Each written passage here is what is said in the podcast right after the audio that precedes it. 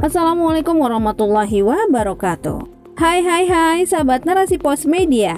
Senang sekali saya Umu Fahri bisa kembali hadir dalam rubrik Surat Pembaca dengan judul Hijrah Diri dan Negeri Menuju Perubahan Hakiki oleh Nina Marlina AMD. Sahabat narasi pos media, hijrah itu tidak mudah dan butuh pengorbanan, namun harus dilakukan agar terjadi perubahan ke arah yang lebih baik.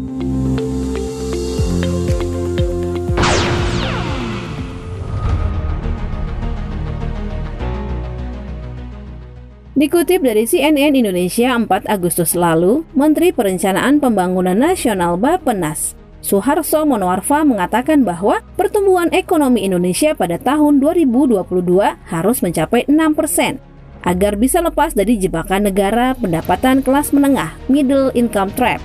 Bila itu bisa dicapai, ia yakin Indonesia bisa naik kelas menjadi negara maju pada 2045.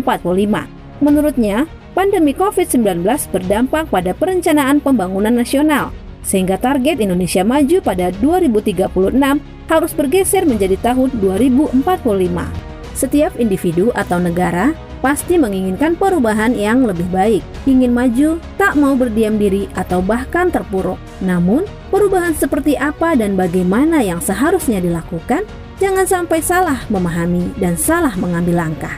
Tak cukup hanya maju dalam bidang ekonomi, sementara bidang atau aspek lainnya buruk. Maju mundurnya sebuah bangsa tentu dipengaruhi berbagai aspek. Jangan pula terpedaya dengan perubahan atau kebangkitan yang semu.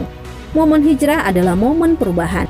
Momen ini menginspirasi kita untuk selalu berupaya berubah lebih baik dan dapat istiqomah menjalaninya.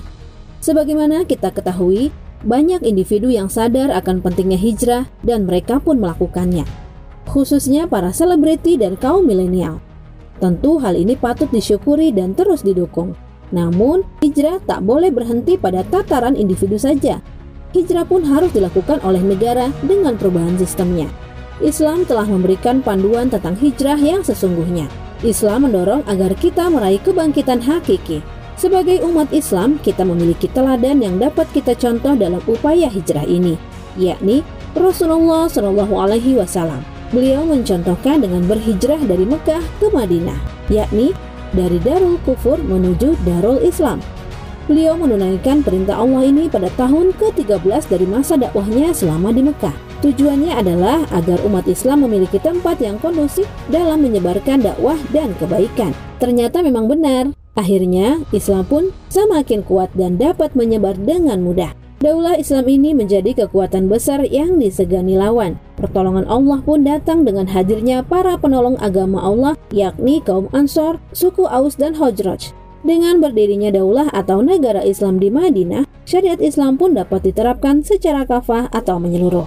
Negara ini menerapkan sistem pemerintahan, politik, ekonomi, sosial, dan hukum Islam. Berbagai strategi dakwah pun disusun oleh Rasulullah Shallallahu Alaihi Wasallam. Meski jalan menuju hijrah tersebut tak mudah, perlu pengorbanan yang besar. Begitupun dengan kita yang menginginkan hijrah yang sama. Tentu harus berani menghadapi berbagai rintangan, terlebih harus siap dengan semua resiko yang terjadi. Namun tentunya Allah Subhanahu wa taala akan menyiapkan pahala yang besar bagi setiap orang yang mau dan mampu melaluinya. Untuk itu kita harus menjadi bagian dalam perubahan kondisi negara agar lebih baik. Agar negeri memperoleh kebaikan, maka harus mengambil solusi Islam. Islam adalah satu-satunya pilihan. Agar Allah Subhanahu wa taala menurunkan rahmat dan berkahnya, kita harus berhukum terhadap hukum Allah. Negara ini harus mau menerapkan syariatnya. Negara ini harus mencampakkan seluruh aturan yang berasal dari manusia.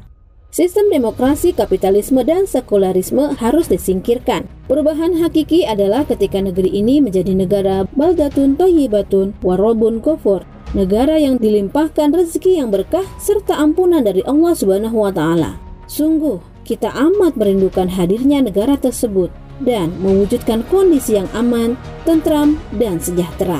Sebagaimana yang pernah terjadi pada masa Rasulullah Shallallahu alaihi wasallam kemudian dilanjutkan oleh para sahabat dan generasi selanjutnya. Kejayaan demi kejayaan diraih umat Islam. Kemajuan dicapai dalam berbagai bidang, tak hanya dalam hal ekonomi. Untuk itu, tak perlu berlama-lama, jangan ditunda-tunda. Untuk hijrah menuju perubahan hakiki agar kebaikan dan ridho Allah selalu menaungi negeri ini. Wallahu alam bisawab. Narasi pos media, cerdas dalam literasi media, bijak menangkap peristiwa kunci.